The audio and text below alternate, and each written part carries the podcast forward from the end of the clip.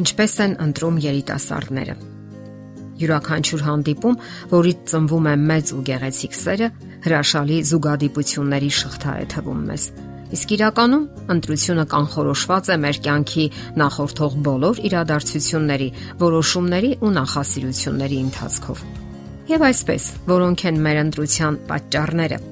Կան բազմաթիվ գործոններ, որոնցից կնշենք մի քանիսը։ Անգիտակցական կապվածություն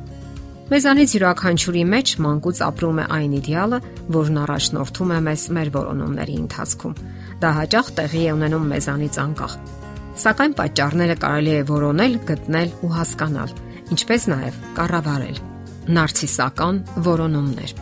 Որոնման այս տեսակը նշանակում է, որ մենք որոնում ենք այն անznավորությունը, որը նման է նրան, ում մենք ցանկանում ենք նմանվել։ Սա հասկանալի պահ է ու տրամաբանական նախնիների կանչը։ Այս դեպքում տղան կամ աղջիկը ձգում է մեզ, որովհետև համապատասխանում է ծնողներից մեկի մասին ունեցած մեր պատկերացումներին, կամ էլ ընդհակառակը խիստ տարբերվում է նրանցից։ Մենք այսպիսի հարցադրումներ ենք անում. Ինչու ենք մեր կյանքում հանդիպում, շփվում հազարավոր մարդկանց հետ, սակայն սիրում ենք միայն մեկին։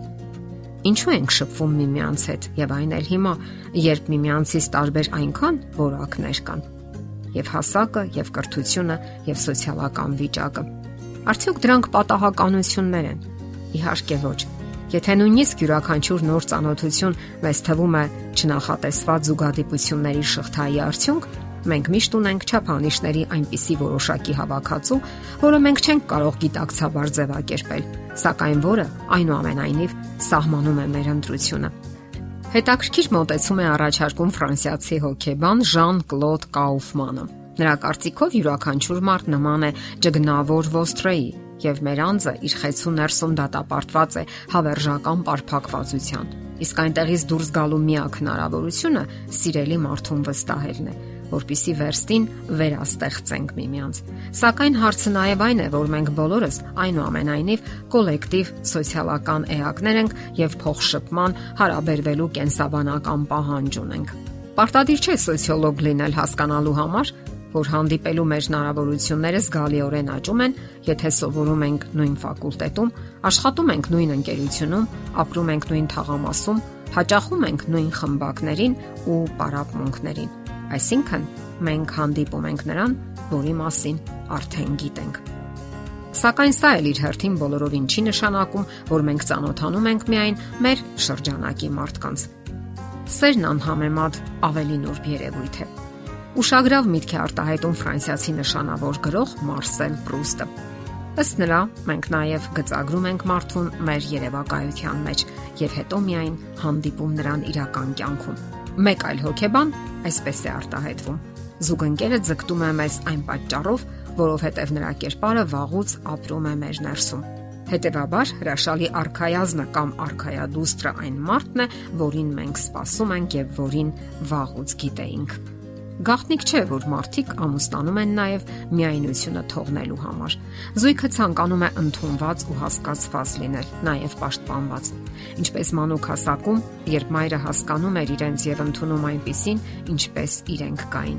Հոգեբաններն ասում են, որ մանուկ հասակում մոր հետ հուզական կապը անջնջելի հետք է թողնում երեխայի հոգում, եւ նա հետագայում աշխատում է կրկնել այդ փորձառությունը գտնել բնավորության որակները մյուս անznավորության մոտ։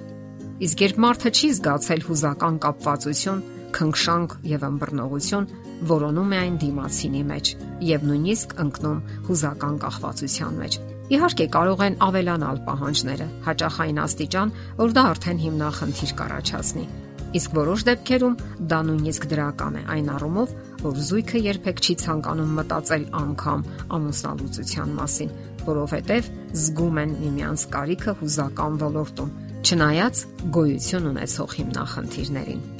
Երիտասարդները խիստ մեծ հույսեր են ներդնում հարաբերությունների մեջ, ցանկանալով, որ դրանք լինեն անթերի ու կատարյալ։ Եվ հնարավոր է դա է պատճառը, որ որոնում են այնպիսի մեկին, որի մոտ տեսնում են այն որակները, որոնք իրենք չունեն։ Այլ կերպ ասած, նրանք որոնում են այնպիսի մի հայելի, որն արտացոլում է մեր իսկ դրական կերպարը։ Այս կերպ են շատերը փորձում լրացնել իրենց ճանաչած որակները եւ դրանք ներդնել ամուսնական հարաբերությունների մեջ։ Եվ իրականության մեջ այդ մեխանիզմը կարող է հրաշալի հարաբերություններ ստեղծել, երբ զույգը գիտակցում է դա եւ պատկերավոր ասած շնորհակալ է լինում դրա համար։ Այդպիսի հետաքրքիր փոխլրացման համար։ Հասկանալի է, որ այդ մեխանիզմները պատահական չեն եւ Աստված այնպես է արարել տղամարդուն ու կնոջը, որ նրանք միասին մի ամուր ու ներդաշնակ միություն կազմեն։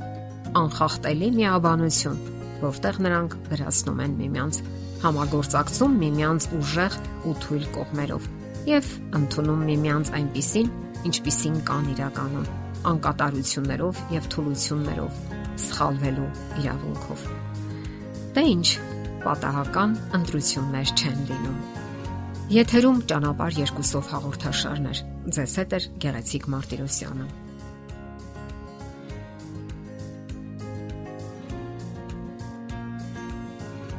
Հարցերի եւ առաջարկությունների համար զանգահարել 033 87 87 87 հեռախոսահամարով։